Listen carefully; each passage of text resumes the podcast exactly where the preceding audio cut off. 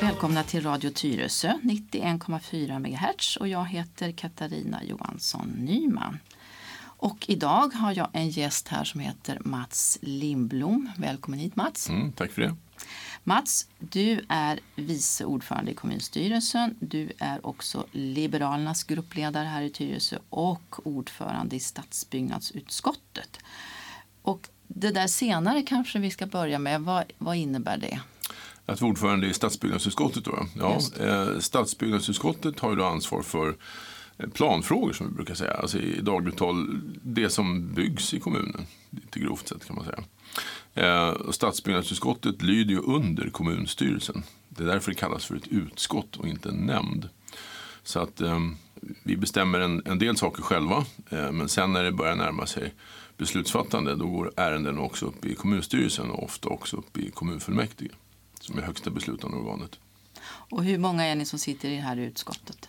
Eh, Det är nio stycken ordinarie ledamöter och lika många ersättare. Så det är inalles är det 18 personer som kan vara där. Och det är alla partier som är representerade då? Ja, åtminstone som ersättare finns alla partier representerade. Så på det sättet så är alla med. Så alla kan få informationen? Ja. Alla får informationen men alla har inte rösträtt faktiskt i just utskottet. Nej, då vet vi det. Och den här programserien heter ju Tyresö växer och här pratar vi då om stadsbyggnadsfrågor och, och bostäder och byggande. Och bakgrunden till att jag drog igång den här programserien är ju att jag funderade en del kring vad som har byggts här i Tyresö under de senaste åren och det har ju också framkommit en del kritik vad det gäller vad som har byggts och på vilka platser och hur det ser ut. Och nu har jag förstått då att ni i det här nya styret, ni har tagit lärdom av det här och ni har infört en ny modell kring arbetet med nya detaljplaner. Berätta. Jo, alltså, jag har erfarenhet från att sitta i styret även under förra mandatperioden då vi hade alliansstyre här. Då. Och eh, en av de erfarenheter jag drog, en slutsats jag drog av den mandatperioden var väl det att vi, vi, vi, vi hade problem med bristande medborgardialog faktiskt i många av våra planfrågor. Eh, och det jag såg var att, att medborgarna och de närboende till byggnation och byggnationsprojekt kom in alldeles för sent i processen. Så att Eh, värdefull återkoppling från medborgarna kom in så pass sent så att det var inte riktigt så enkelt att ta in de synpunkterna fullt ut i alla fall. Och det var väldigt frustrerande tycker jag för att ja, men som politiker är man ju medborgarnas företrädare och då vill man ju på något sätt ha ett öra till marken och också kunna eh, agera därefter. Men, men det är svårt när, när man då följer eh, strikt plan och bygglagen då. Eh, för då säger man att medborgarna först ska komma in i samrådsskedet och då har man kommit ganska långt i processen trots allt. Mm, precis. Och, och det finns ju två, två samrådsdelar i en, detalj, en detaljplaneprocess rent formellt. Och det första är ju samrådet som du säger och sen så kommer det i samband med granskningsförfarandet Ja, det, också. just det. Men det är ju som du säger, då, då är det egentligen väldigt mycket redan klart. Ja, så är det. Alltså, samrådsskedet är ju tänkt då att det är där man ska ta in återkopplingen från inte bara närboende och så, utan även från eh, andra myndigheter. Alltså det kan ha med ledningsdragningar och sånt att göra, Vattenfall eller Länsstyrelsen, vad det kan vara, natur, naturskyddsaspekter och så. Ehm, och, och granskningsskedet, då är det egentligen mer det är verkligen en, en kvalitetscheck egentligen av planen. Så att där kan man egentligen inte ta in allt för stora förändringar. Utan det är mer att inför antagandet ska man se till att allt är rätt och riktigt i handlingarna egentligen. Eh, så att jag ser att det är värdefullt och, och helt nödvändigt att, att eh, man har en medborgardialog långt innan samrådet. Det vill säga långt innan det som plan och bygglagen kräver egentligen. Och det är också det vi har börjat med i den här mandatperioden. Och om jag har förstått det hela rätt så har ni nu börjat med det här sättet vad det gäller Amaryllisparken. Ja, precis. Det är, ju, det är kanske den första eh, större eh, detaljplanen som vi börjar med eh, från start så att säga i den här mandatperioden. Det finns ju flera detaljplaner som löper så att säga över, över gränsen mellan mandatperioderna. Sådana som ligger i röret så att säga redan nu som vi har att hantera och köra i mål. Då. Eh, men Amaryllisparken är väl den första detaljplaner där vi, där vi kan gå in från början och ändra arbetssättet egentligen. Eh, och det finns ju bra arbetssätt. Vi har ju sett det här tidigare. Alltså, eh, många kanske minns när vi jobbade med översiktsplaner för ett antal år sedan. Eh, då var det ju från förvaltningens sida hade man varit väldigt innovativ och man satte upp de här rosa bodarna i centrum och folk fick tycka till och det var både unga och, gamla som tyckte till också. Va?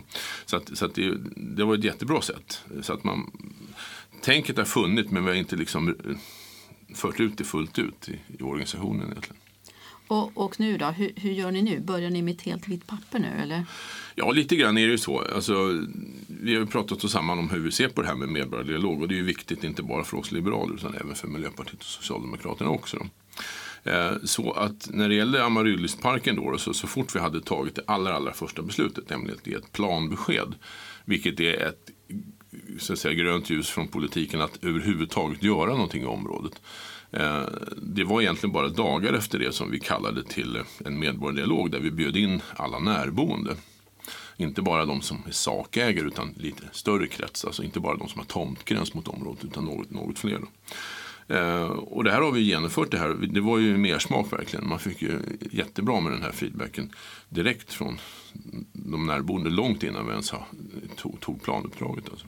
Var det många som kom på det här mötet?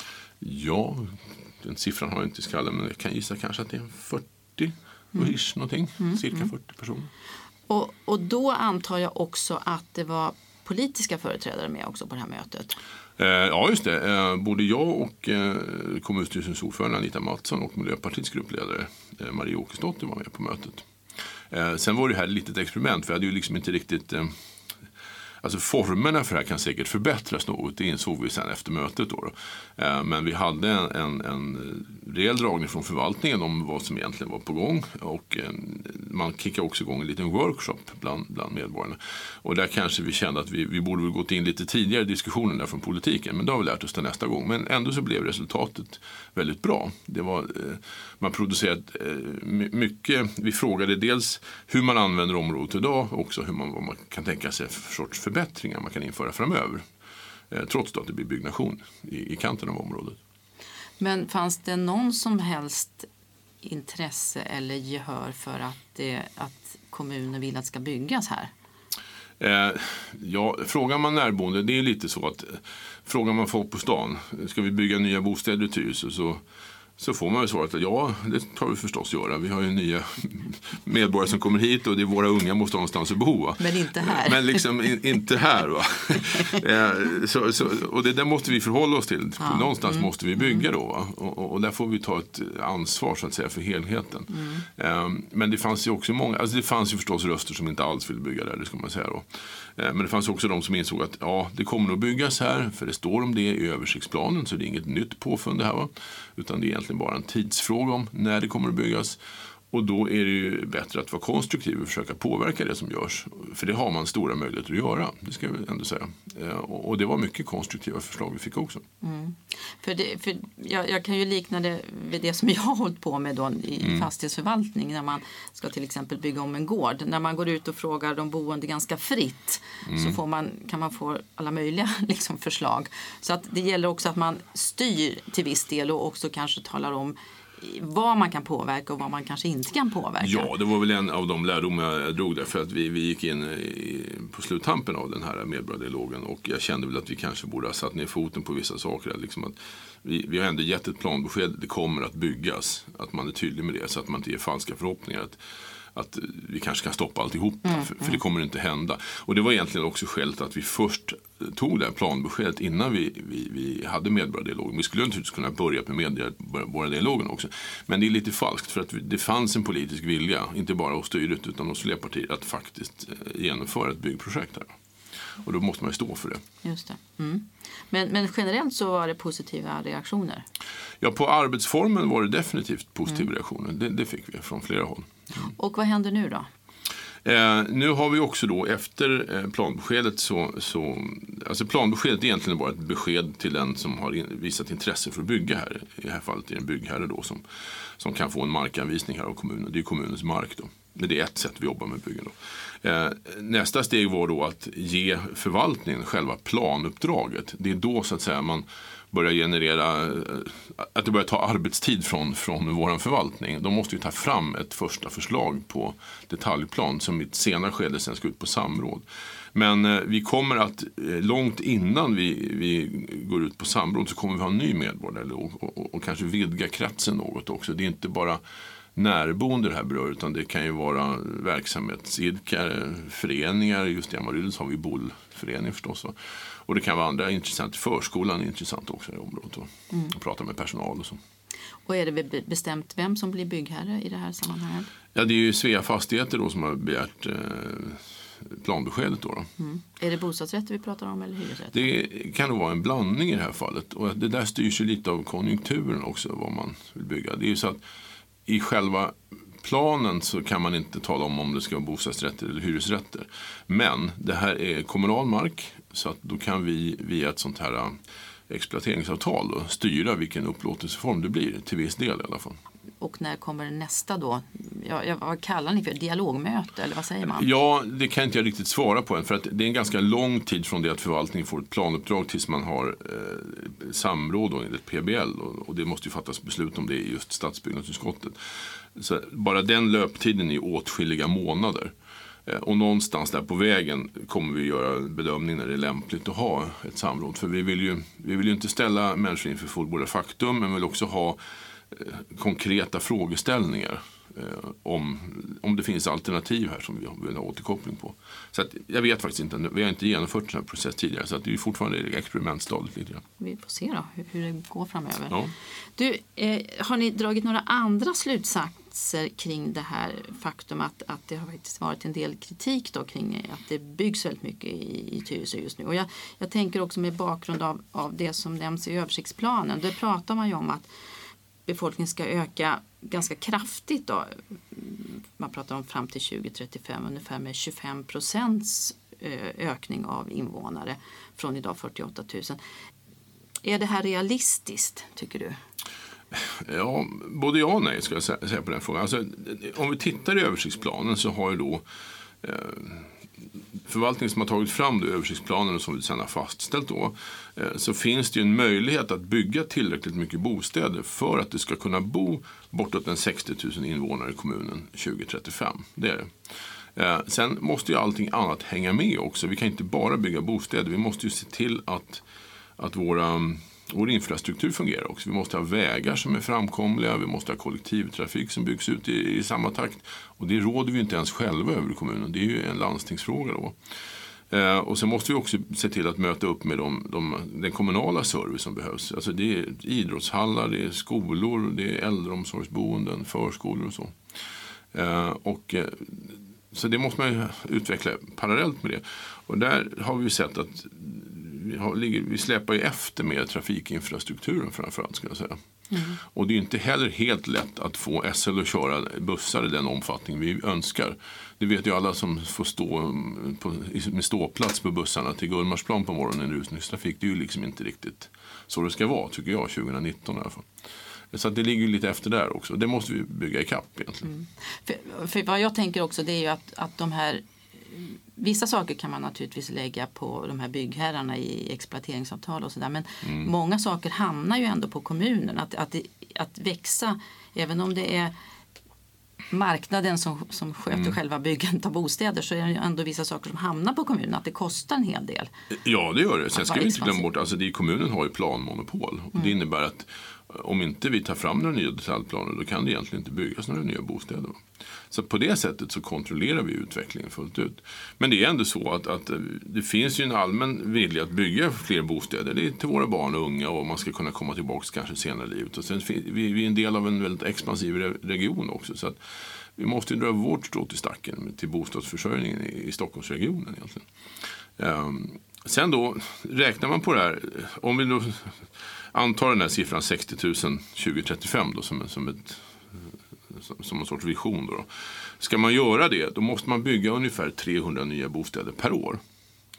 Eh, och om vi tittar de beslut som har fattats under förra mandatperioden så var det ungefär i linje med det. Eh, Sen finns det ju en eftersläpning här, så de bostäder som så att säga, beslutades under förra mandatperioden, det är de byggkranarna vi kommer att se under den här mandatperioden. Och det finns ju beslutade projekt som vi kanske borde prata mer om. Vi har Södergården, vi har Apelvägen. Det finns saker och ting som är i röret som är nära antagande som Bäverbäcken också. Då. Och, och, och, det är ju byggprojekt som i princip är beslutade, eller är beslutade under förra mandatperioden, men som kommer att realiseras nu.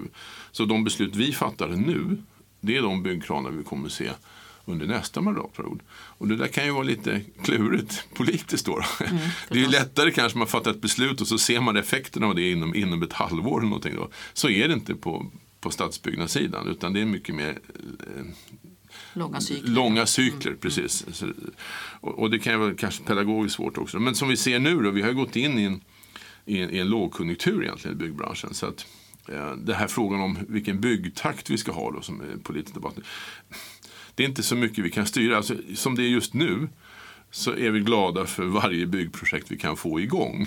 Därför att det är lågkonjunktur. Så vi kommer inte kunna nå upp att producera detaljplaner för 300 bostäder per år under de närmsta åren. Det tror inte jag på. Alltså. Utan det här med byggtakten det blir egentligen en fråga kanske för, för nästa högkonjunktur. Ska vi då gasa på igen eller ska vi hålla igen? Det är då den frågan avgörs egentligen. Men, men märker ni redan nu att det finns en del som byggare som vill hoppa av? Så att säga, eller? Ja, man ser det i alla eh, skeenden i den här processen. Liksom. Om vi har någon markanvisning så, så kanske inte lika många som är intresserade. Skulle vi ha någon markanvisningstävling, vilket annat sätt att hitta byggherrar, så är det färre som lägger tävlingsförslag. De projekt som är i röret tenderar att stanna upp lite grann. Va? Och vi ser också projekt som är, utifrån ett politiskt perspektiv är helt färdiga. Ta Södergården till exempel. Där har inte hänt någonting egentligen på ett par år. Och vi ska strax komma in på den frågan, men jag tänkte vi väntar lite. Vi kan vänta med ja. ja just det. Men, men, du, eh, för jag tänker det här med, med byggare då som initialt är väldigt intresserade men som sen kanske vill vila på hanen eller till och mm. med hoppa av projekt. Säkerställer ni det i exploateringsavtalen? Ja, så är det. Eh, det är, som, det är två olika skillnader. Skillnad på det mark vi äger själva, där vi kan skriva exploateringsavtal. Då kan vi ta tillbaka en markanvisning om det inte händer något inom en viss tid. Eh, och det finns ju praxis för det, man ska jobba med det. Då kan man ge markanvisning till någon annan. I, I, andra fall så är det ju, där vi inte äger marken kan vi inte göra så mycket egentligen. Men, men även marknaden verkar ju där också. Eh, då, då, kan en byggherre som kanske inte har muskler eller vill ta risken att dra igång ett projekt. De sitter ju inte heller på det projektet för de har investerat massa pengar i det som de inte har fått någon avkastning på. Då kanske de säljer hela projektet till någon annan byggherre som tar över. Och på det sättet så kommer man vidare och det har ju hänt i vissa fall också. Du, en helt annan fråga då som mm. diskuteras en hel del nu både i tidningarna och jag vet att det diskuteras inom politiken. Det är ju den här bron som planeras att byggas i Alby friluftsområde till Tyrestareservatet. Mm. Berätta hur läget är där just nu. Ja, här och nu så är det ju så att eh, det gäller ju inte bara en bro egentligen utan det här gäller ju en, en nordlig nationalparksentré till Tyresta naturreservat och nationalpark. Och även en entré utformning till själva Alby, vårt eget friluftsområde. Och, och det här har man bakat ihop till, till en arkitekttävling egentligen. Man vill att Alby-entrén ska hänga ihop då eh, på ett bra sätt med, med Tyresta-entrén som den här bron utgör. Då. Och den tävlingen är egentligen avslutad och jag vet att det finns en, en vinnare korad här. Då. Eh, och av upphandlingsskäl så kan man inte gå ut med vilken det är ändå. Jag vet, jag vet inte vilken vinnare det är men jag vet att det finns en vinnare i alla fall. Mm. Och det här är en jury som har bestämt det här och som är ja, i någon mening rätt så oberoende. Det finns folk från förvaltningen, det finns eh, före detta nationalparkschefen är med där och det finns eh, ja, från arkitektbranschen också. Mm. För, för jag tänker, kanske den främsta kritiken som har varit mot det här det är ju att det är mycket pengar. Och jag har hört ett belopp om 30 miljoner. Nu, nu är det ju naturligtvis som du säger, det är inte bara bron utan det, jag tror att det är parkeringar och annat också. Men att, att det är väldigt stora pengar i ett skede där kommunen har varit tvungen mm. att höja kommunalskatten. Ja, just det. Eh, först ska vi nog ta, det 30 miljoner är en siffra som inte stämmer egentligen. Då. Vi har, det finns en budget, vad är det, 12,7 nu. Alltså när beslutet togs en gång i juni 2016 Eh, det togs ju förra mandatperioden med en liten udda majoritet. Eh, så så anslogs det väl 9,2 miljoner vill jag minnas. Och, sen har Och, man, och då var in, inbegriper de där nio? Ja, det var själva nationalparksentrén. Sen har ju då projektet har utvecklats så att man har lagt till Alby entré också med parkeringslösningar och sånt. Och det man tävlar om ska rymmas inom en budget på 12,7 vill jag påstå. Sen om det finns tilläggsprojekt kring det här i, i utvecklingen av Alby. Vi ska ju veta det att vi har haft ett utvecklingsprogram för Alby friluftsområde som har löpt i många år. Eh, där vi successivt gör nya saker. Det kan vara LED-belysning på elljusspåren, det kan vara ridstigar och utegym och ja, jag kommer inte ihåg alla projekt just nu. Då. Så att man får inte blanda upp siffrorna. Och det andra är liksom att det här är en, det här är en investering. Eh, när vi pratar kommunalskatt, vilket är en jätteviktig fråga, då, eh, den tar vi in för att ha råd, att, att vi ska gå runt på driftsbudgeten då. Eh, det här är en investering och då ska man räkna på livslängden på det här så att om man lägger eh, vad- sa vi nu, 12 miljoner på en bro. Okej, vad har den för livslängd då? Ja, det är kanske 30-50 år någonting. Så att, då ska man, den årliga kostnaden för det här rör sig om några hundratusen. Det är det man ska jämföra med då vår kommunala driftsbudget på över 2,5 miljard. Eh, man kan också jämföra den här investeringen med andra investeringar. Alltså en ny skola, ta Fornunde skola som går på en, en, en bra bit över 300 miljoner. Va? Vi har ishallen, också den kostnad långt över 300 miljoner som tyvärr blir dyrare på grund av markföreningar. Då. Men det här är då en kostnad på 12 ungefär. Alltså, man måste ta det i paritet också. Jo, men jag, jag, jag tänker ändå att, precis som du säger, det, det tillhör investeringsbudgeten. Men det är ju Mm. ändå pengar som ska på något sätt, alltså, ja, man belånar väl då antar jag. Eh, Och det är en ränta som ska betalas. Och det konkurrerar ju med alla andra investeringar som ändå finns i Allting konkurrerar med allting. Så är det. Man kan alltid ställa saker mot varandra. Men det finns ju, det finns ju en vilja att ha ett väl utvecklat eh, friluftsliv i Tyresö. Det är ju ett av skälen till att många flyttar hit. Både för föreningsliv, vårt kulturliv och vårt friluftsliv. Alltså det här med grönt och blått. Eh, Det är en styrka vi har. Och sen så är det ju så att vi sitter ju på en, en, en skatt i söder. Va? Tyresta naturreservat och nationalpark. Eh, och eh, för det första finns det ett lokalt behov med den här tillgängligheten till det. För att vi ser också att eh, Alby, Alby det är så stort det är, och växer vi invånarmässigt så blir det ett högre tryck på Alby friluftsområde. Och genom att koppla ihop det med Tyresta så kan vi få Upplevelsen blir att vi har, vi har ett större lokalt friluftsområde också. Vi, vi kan alltså få, få ut människor i orörd och tyst natur på ett annat sätt än vad vi kanske kan erbjuda i Alby idag. Det finns ju ett väldigt tryck på att vi ska skapa många nya aktiviteter i Alby också. För, för, för den tanke som jag hade, det var ju alltså var, varför har man valt Alby? För att det går ju liksom inga bussar till Alby. Det hade ju kanske varit mer naturligt att ha det från Nyfors tänker jag. Där det går, ändå går, och nu pratar om det här med tillgänglighet och kollektivtrafik. Och, Ja, så. och då, hade, då har man ju den här kopplingen till Ja, Tyresö Nyfors är onekligen en koppling, visst är det så. Men Nyfors är ju då ja, det är ett fritidshusområde som nu blir ett villaområde. Eh, finns det någonting annat där egentligen? Nej, det finns det inte. Eh, och bussen stannar egentligen inte nere vid Tyresta där heller utan den stannar i, Nyfors. Men den går ju faktiskt ner till Alby friluftsgård då och då. Jag kan tänka mig att den turtätheten mycket väl kan öka. Eh, så att det finns ju en anledning. Det är ju i Alby vi har vår service. Där finns badplats, där finns det kafeté, eh, två kaféer. Kafeterior, två, både det som drivs av orienteringsklubben och det som finns på Uddbogård. Mm. Eh, och det finns annan service där, det är bastu, omklädningsrum och så vidare. Det, det där är våra kärna för våra friluftsverksamheter, där föreningar är aktiva också. Inne I Fors finns det ju liksom ingenting. Så det är klart, det är en möjlighet att gå in i, om man ska till Tyresta kan, finns det ju fler vägar in också. Men Alby är ändå vårt centrum för friluftslivet, det rörliga friluftslivet. Och det är naturligt att ha en, en tillgänglig entré till naturreservat och nationalpark därifrån. Det är väldigt kuperat också via Nyfors upp i skogen där. Va? Här får vi någonting som är ganska flackt som man kan lätt ta sig med cykel, barnvagn, eh, kanske till och med eh, permobiler och sånt. Men, men, men det är ju, alltså natur är ju per definition kuperad. Liksom.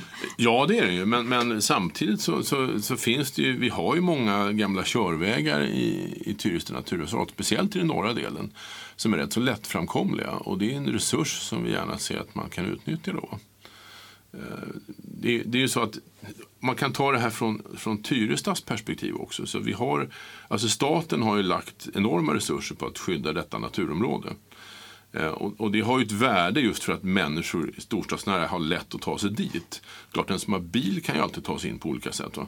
Eh, men ska man åka kollektivt så erbjuder ju eh, just buss 873 en helt, helt andra möjligheter för den som ska in i Tyresta än, än det gör att gå in via nu, den nuvarande huvudentrén i Tyresta by. Där får man ju leta avgångar verkligen för att ta sig in dit med 834 när den heter. Vi har ju 10 minuters trafik i princip hela dagen till, eh, till Nyfors. då. Ja, precis. För, för en, en sak som jag ändå funderade över det var ju det här med arkitekttävling. För jag, Mm. för jag vet ju att den, det här projektet har ju diskuterats väldigt länge, kanske tio år eller något sånt där. Och det har tagits fram tidigare förslag. Ja, just det. Och, alltså, för, för på något sätt, så, och vad jag förstod så kom det fram in 27 förslag. Ja, jag tror att det var 27. Och, och, när man tittade på dem så tyckte jag att det ändå var väldigt många som var väldigt snarlika varandra. Mm. Eh, det, det var inte så stor skillnad på, på flera av dem. Och, och då, en, det är ändå så att det är ju, det är ju, det är ju bara en bro. liksom, om du förstår vad jag menar. Alltså det är inte ett nytt kommunhus eller ett nytt kulturhus. För då är det mer kan jag tänka mer motiverad med en arkitekttävling. För att Mm. arkitekttävlingen i sig kostar ju. Och, och sen när man väl har, har bestämt sig, för det här, det här innebar ju bara att man får någon slags visionsskiss. Liksom. Sen ska man ju ta fram projekteringshandlingar, konstruktionsritningar, förfrågningsunderlag och så vidare. Så att, alltså, det, kostnaden drar ju liksom iväg lite extra för att man gör en arkitekttävling. Ja, jag är inte så säker på det faktiskt. Därför att du får in, alltså, du måste ju balansera det med kvaliteten också. Och det här är ju väldigt viktigt. Alltså, det är ju ändå ett ingrepp i någonting som är naturreservat. Det är naturreservat på båda sidor. Och då vill man ju att utformningen ska vara hållbar på ett sånt sätt. Alltså, utav de, efter de kriterier vi sätter. Och genom att ha arkitekttävling då får man in Eh, eh, man spänner upp rymden på antalet förslag hur det här kan se ut på ett enormt sätt. Då. Så man får alltså 27 arkitektgrupper egentligen att rita på en bro. Det skulle vi aldrig ha råd med annars. Då får man ju anlita en eller två liksom, och betala för det. Nu är, fanns det en lockande prissumma istället. Så, att, så att på det sättet så sparar vi pengar. Det är, mycket, det är ett väldigt billigt sätt att få in 27 förslag. Sen kan några te sig snarlika ut för ögat. Men det är också, eh, det som är avgörande här är också de tekniska lösningarna. Alltså vi vill ju ha en bro som håller länge, som är eh, ja, underhållsfri ska jag inte säga, men den ska vara lätt att underhålla då. För det är ett känsligt område då, när man då ska underhålla en sån här bro. Och, eh, eh sen fanns det ju andra, eh, ja, det får ju visa sig sen av tävlingen då, men det fanns ju en del förslag som var väldigt vidlyftiga där man gjorde ett landmärke av alltihopa. Det fanns ju alla andra som var väldigt diskreta och lågmälda där den skulle smälta in i naturen på ett bra sätt. Då. Eh, nu vill jag inte förekomma resultatet då, men, men eh, fa- oavsett vilken riktning man går så, så finns det ju då eh, goda förslag. Och, sen, och det finns också tekniska lösningar. Och det gäller också att kunna ha ett förslag som, som ryms inom budget. Det får inte dra iväg det här. Det är vi inte intresserade av heller. Utan det, det, det måste vara en kostnadseffektiv lösning. Och, och i, i det, utvärderingen av förslagen så har det också legat att man ska ha en rimlig eh, alltså underhållskostnader och man har tittat på Ja, sånt det, också. man tittar på hela livscykeln, visst är det så. Och om vi pratar om det här med, med tillgänglighet då. Mm. eh, Är tanken att, att kommunen kommer att försöka lobba för att få du säger att det finns bussar idag till Alby. Ja. Eh, Nej, men, men- det är 73 går ju ner och vänder Ja, vid okej. parkeringsplatsen från Fast, fast inte speciellt ofta va? Nej, det tror jag inte. Nej. Och den borde ju kunna gå ner mer. Men, Ja. men vi pratar ändå om det är ett antal hundra meter extra. Ja. Men, men eh, tanken är att det ska komma bussar oftare. Ja, det är en tanke jag har, att man skulle kunna få ner bussen oftare till, eh, till entrén. Och det, det, det motiveras ju av att vi har, får då en nationalparksentré och då kommer det förmodligen fler besökare också. Så att SL, i den mån man har budget så lagar man efter liksom det besökstryck som finns. Det är antal resenärer helt enkelt. Vad bra, då vet vi vad som händer där. Sen har jag en fråga vad som händer med utbyggnaden av Tyresvägen. Ja, just det. Mm. För det, du, du var ju inne på det här att, att Ja. det hänger ihop med, med byggandet av bostäder också Ja, visst är det så. Mm, Tyresö. Ja, Tyresövägen. Alltså, där ligger vi efter. Den borde ju ha färdigställts egentligen tidigare. Det, tar, det tar väldigt tid tycker jag. Ja, det tar, och det tar en väldig tid. Men det, det är tekniskt komplicerat. Trafiken ska vara igång och det är begränsad framkomlighet. Och det har varit eh, problem med både upphandling och genomförande. av- Är, är det därför det, som det står liksom lite still Ja, det har varit lite hackigt just nu då. Men, men eh, det ska väl komma igång igen nu. Men, men om man tittar på hela projektet så, så ser vi att vi vill gärna snabba upp där så mycket det bara går egentligen. Och, och jag kan inte lova någon färdig väg här på några år för det kommer inte hända. Men, men eh, vi kan kapa den här tidplanen med flera år hoppas jag. Eh, så vi håller på att titta på, vi ser över hela projektet egentligen tidplanemässigt. Och det finns också andra förbättringar man bör göra. Man bör ha, titta på cykelbanor, att de inte växlar sida hela tiden. Och sådär.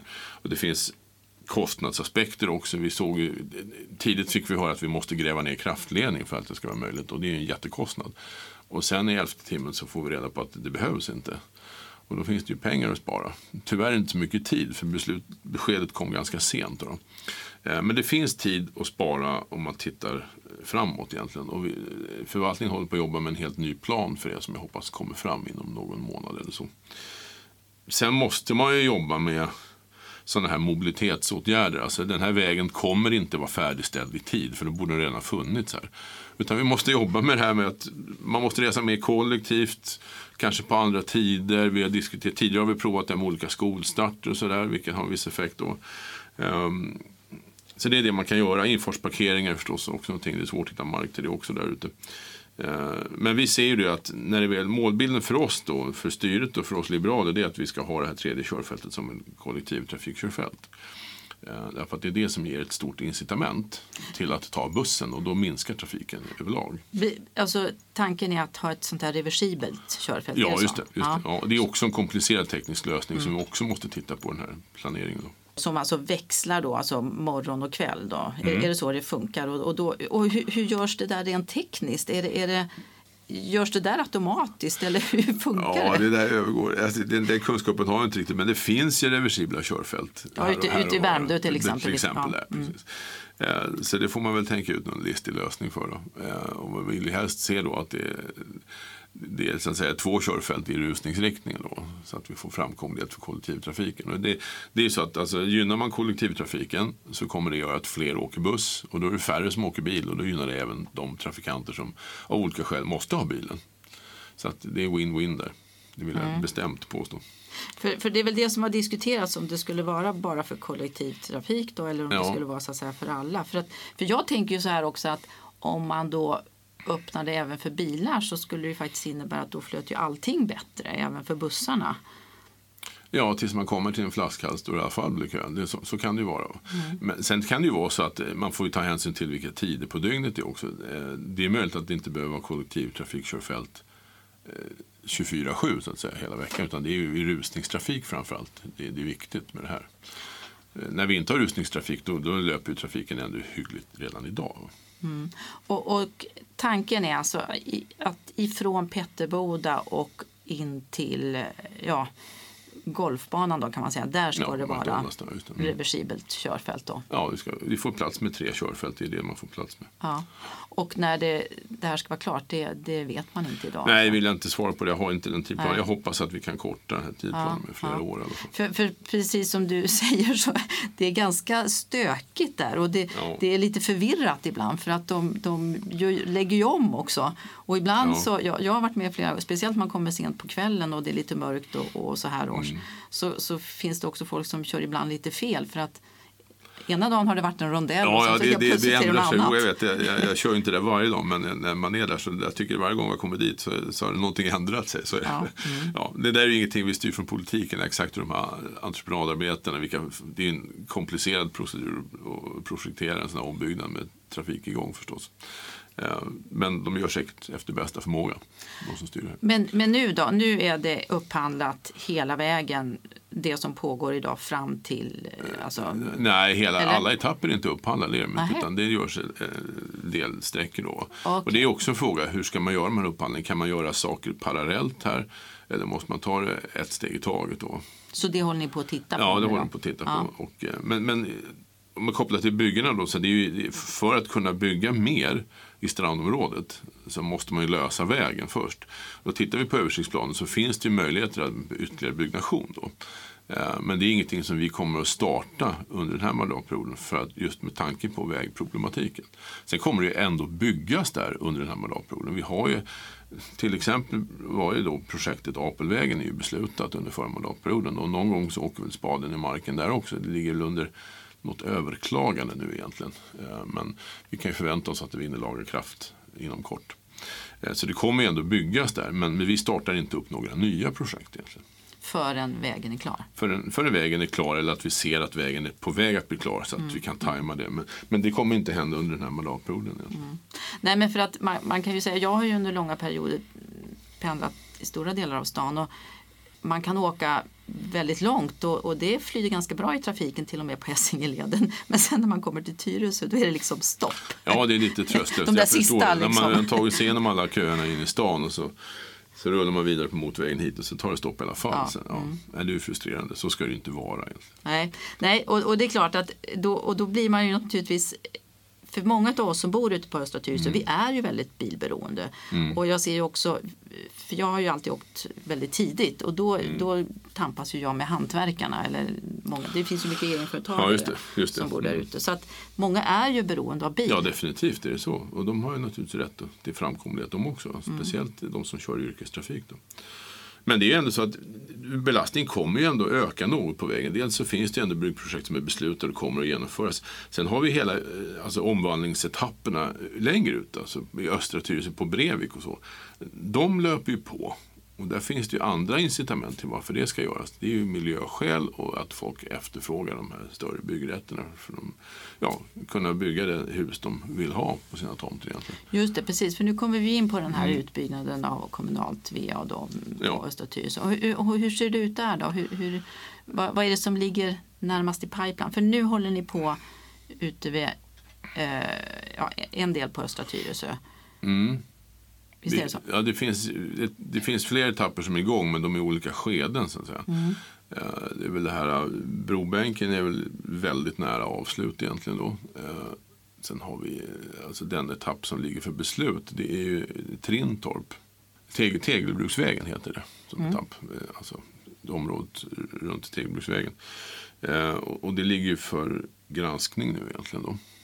Så det kommer ju bli beslut om inte allt för lång tid heller. Och sen bör man ju titta även på nästkommande etapper längre fram då, som det borde görs planuppdrag och sånt för. Och även Rackstad del 2. Rackstad håller man ju på också, det är en liten förgrening så att säga.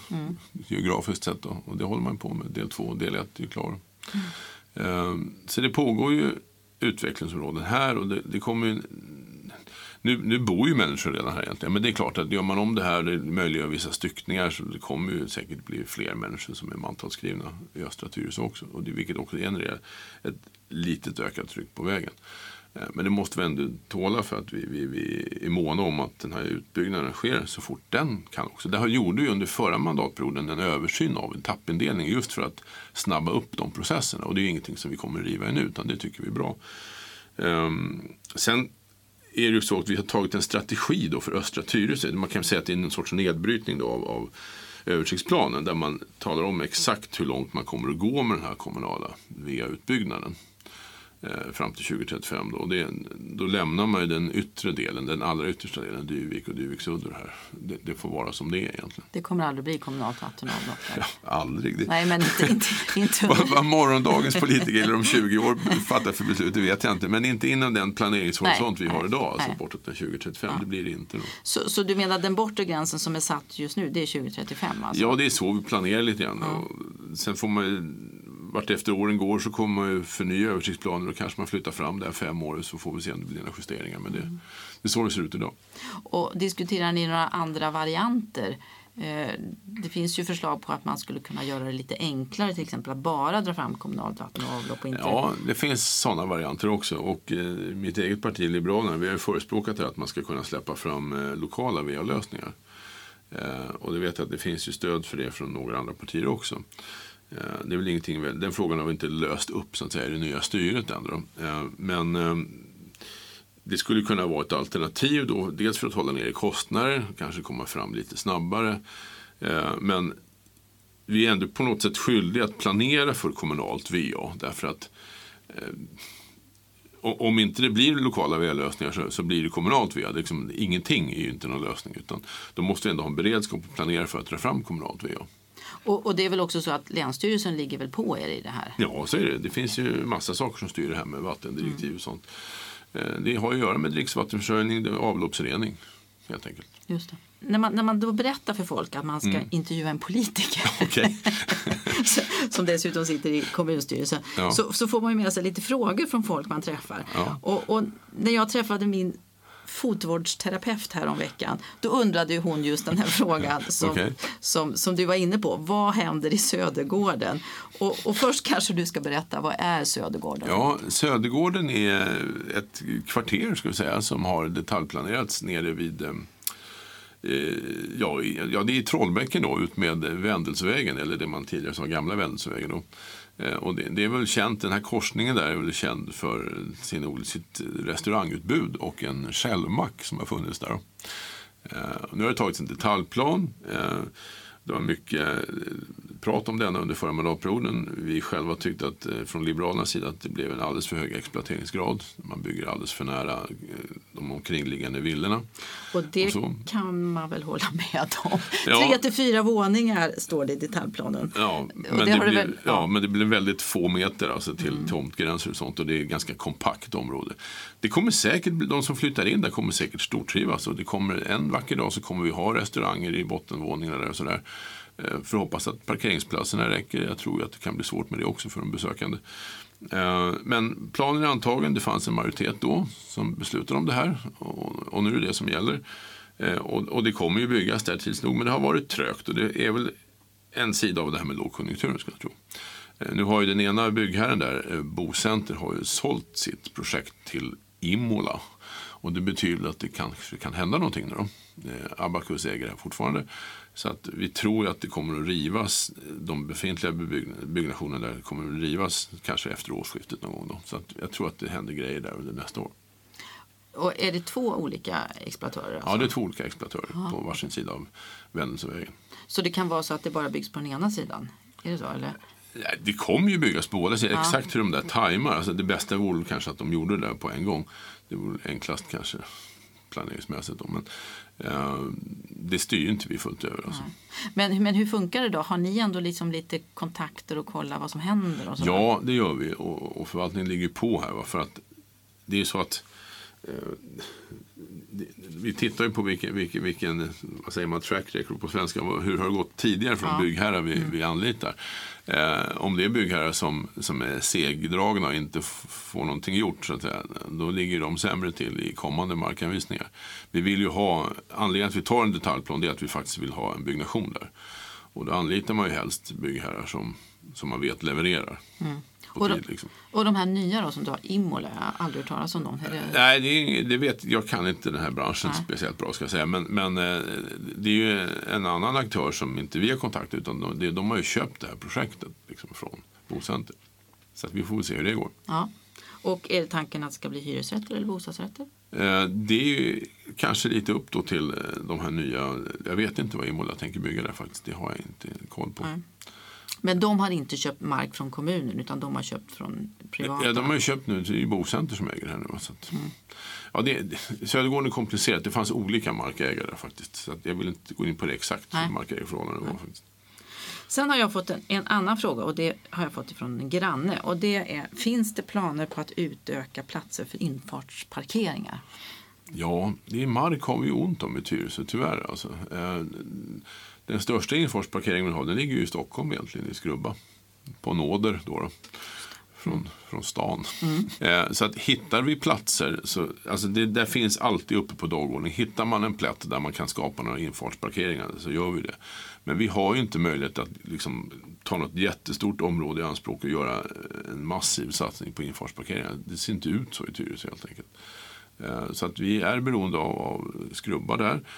Det är väl möjligt också att kanske när vi börjar gå igång med exploateringen av kalhygget, det här markområdet som vi har köpt in då i norr om Lindalen, att det under någon övergångstid så kan bli parkeringar där också. Det måste ju vara närheten till kollektivtrafik och det är kanske inte riktigt är så där idag. Så man får hitta, det kan komma lösningar som varierar över tid egentligen för infartsparkeringar. För jag tänker, för, för du är inne på det här att, att ni vill att folk ska åka mera buss. Ja. Och, och, det här hänger ju väldigt mycket ihop. Ja. Ja, det hänger ihop. Det, det är ett sätt att få folk att åka buss, att, att faktiskt infartsparkera. För jag har ju varit med om den situationen när jag kommer. Om, om man är lite sen då på morgonen då, då helt plötsligt så, så är det ganska fullt. Och då om man är stressad då till ett möte då, då står man ju inför den det valet. Liksom. Ska jag åka bil eller, eller ska jag fortsätta Mm. Ja, just leta? just det. Och då kanske man, nej, jag tar bilen in. Ja, när man ändå sitter i bilen så rullar man vidare. Ja, Ja. Visst, det är ganska låg tröskel att ta det beslutet Ja, kan jag förstå. Ja. Kanske speciellt om det regnar och sådär också. Jag vet inte. Ja. eh, Och sen har jag fått en annan fråga och den var ju du inne på. Bäverbäcken, ja, vi nämnde det området vid golfbanan där. Ja. Eh, Precis. Och, och, och för, för våra radiolyssnare, om det är någon som inte vet var Bäverbäcken ligger så kanske du ska berätta lite mer. Eh, Det är ett litet markområde som ligger eh, ska vi säga, norr om eh, McDonalds och OK Q8 eh, vid eh, Bollmoravägen, Tyresövägens korsning. Idag så finns det lite gamla nedgångna industrifastigheter. Det står någon långtradare parkerad och sådär. Det ser lite skräpigt ut. Så, så där, där finns det en detaljplan på gång som ska väl antas snart är det tänkt då. Eh, där det kan bli en hel del bostäder. Eh, den här är också en eh, politiskt kontroversiell fråga. För här tycker vi öppet olika i det nya styret. Ja, precis. För jag, för jag var inne och läste på er hemsida och Ja. 2017 så var ni väldigt kritiska Ja. till att det ska byggas bostäder här. Ja, vi från Liberalerna har alltid varit kritiska till det. Vi tycker att det är på fel sida av vägen helt enkelt. Det blir som en egen enklav, en isolerad ö med bostäder. Och, och, och det krånglar till det med Tyresövägen också för att de människor som ändå kommer att bosätta sig här måste i så fall kunna ta sig till och från centrumområdet. Vi måste ha en säker skolväg ner mot kanske Stimmets skola, vilket blir förmodligen en kulvert. Då. Eh, men vi vill också se en passage mot centrumområdet. Det är den naturliga så att säga, shoppingrundan då. Eh, och kanske till förskolor och så också. Och den, det blir dyrt om man skulle göra det där i broform eller en till kulvert då. Så då kommer det bli ett övergångsställe med rödljus och grejer. Och det tror inte vi påverkar trafiksituationen på Tyresvägen bra överhuvudtaget. Vi behöver inte fler rödljus där. Det är ändå bestämt att det ska starta ett detaljplanarbete. Detaljplanen är egentligen klar men den ska antas. Okej. Det är antagandet som, som, som är kvar egentligen. Och, men hur röstar ni då? då? Vi kommer rösta nej som vi alltid har gjort. Eh, Socialdemokraterna och Miljöpartiet kommer sannolikt rösta ja som de alltid har gjort. Men sen är frågan hur de andra röstar då? Det blir en fråga för hur de andra röstar. Så. Ja, mm. så, då, så det är inte givet.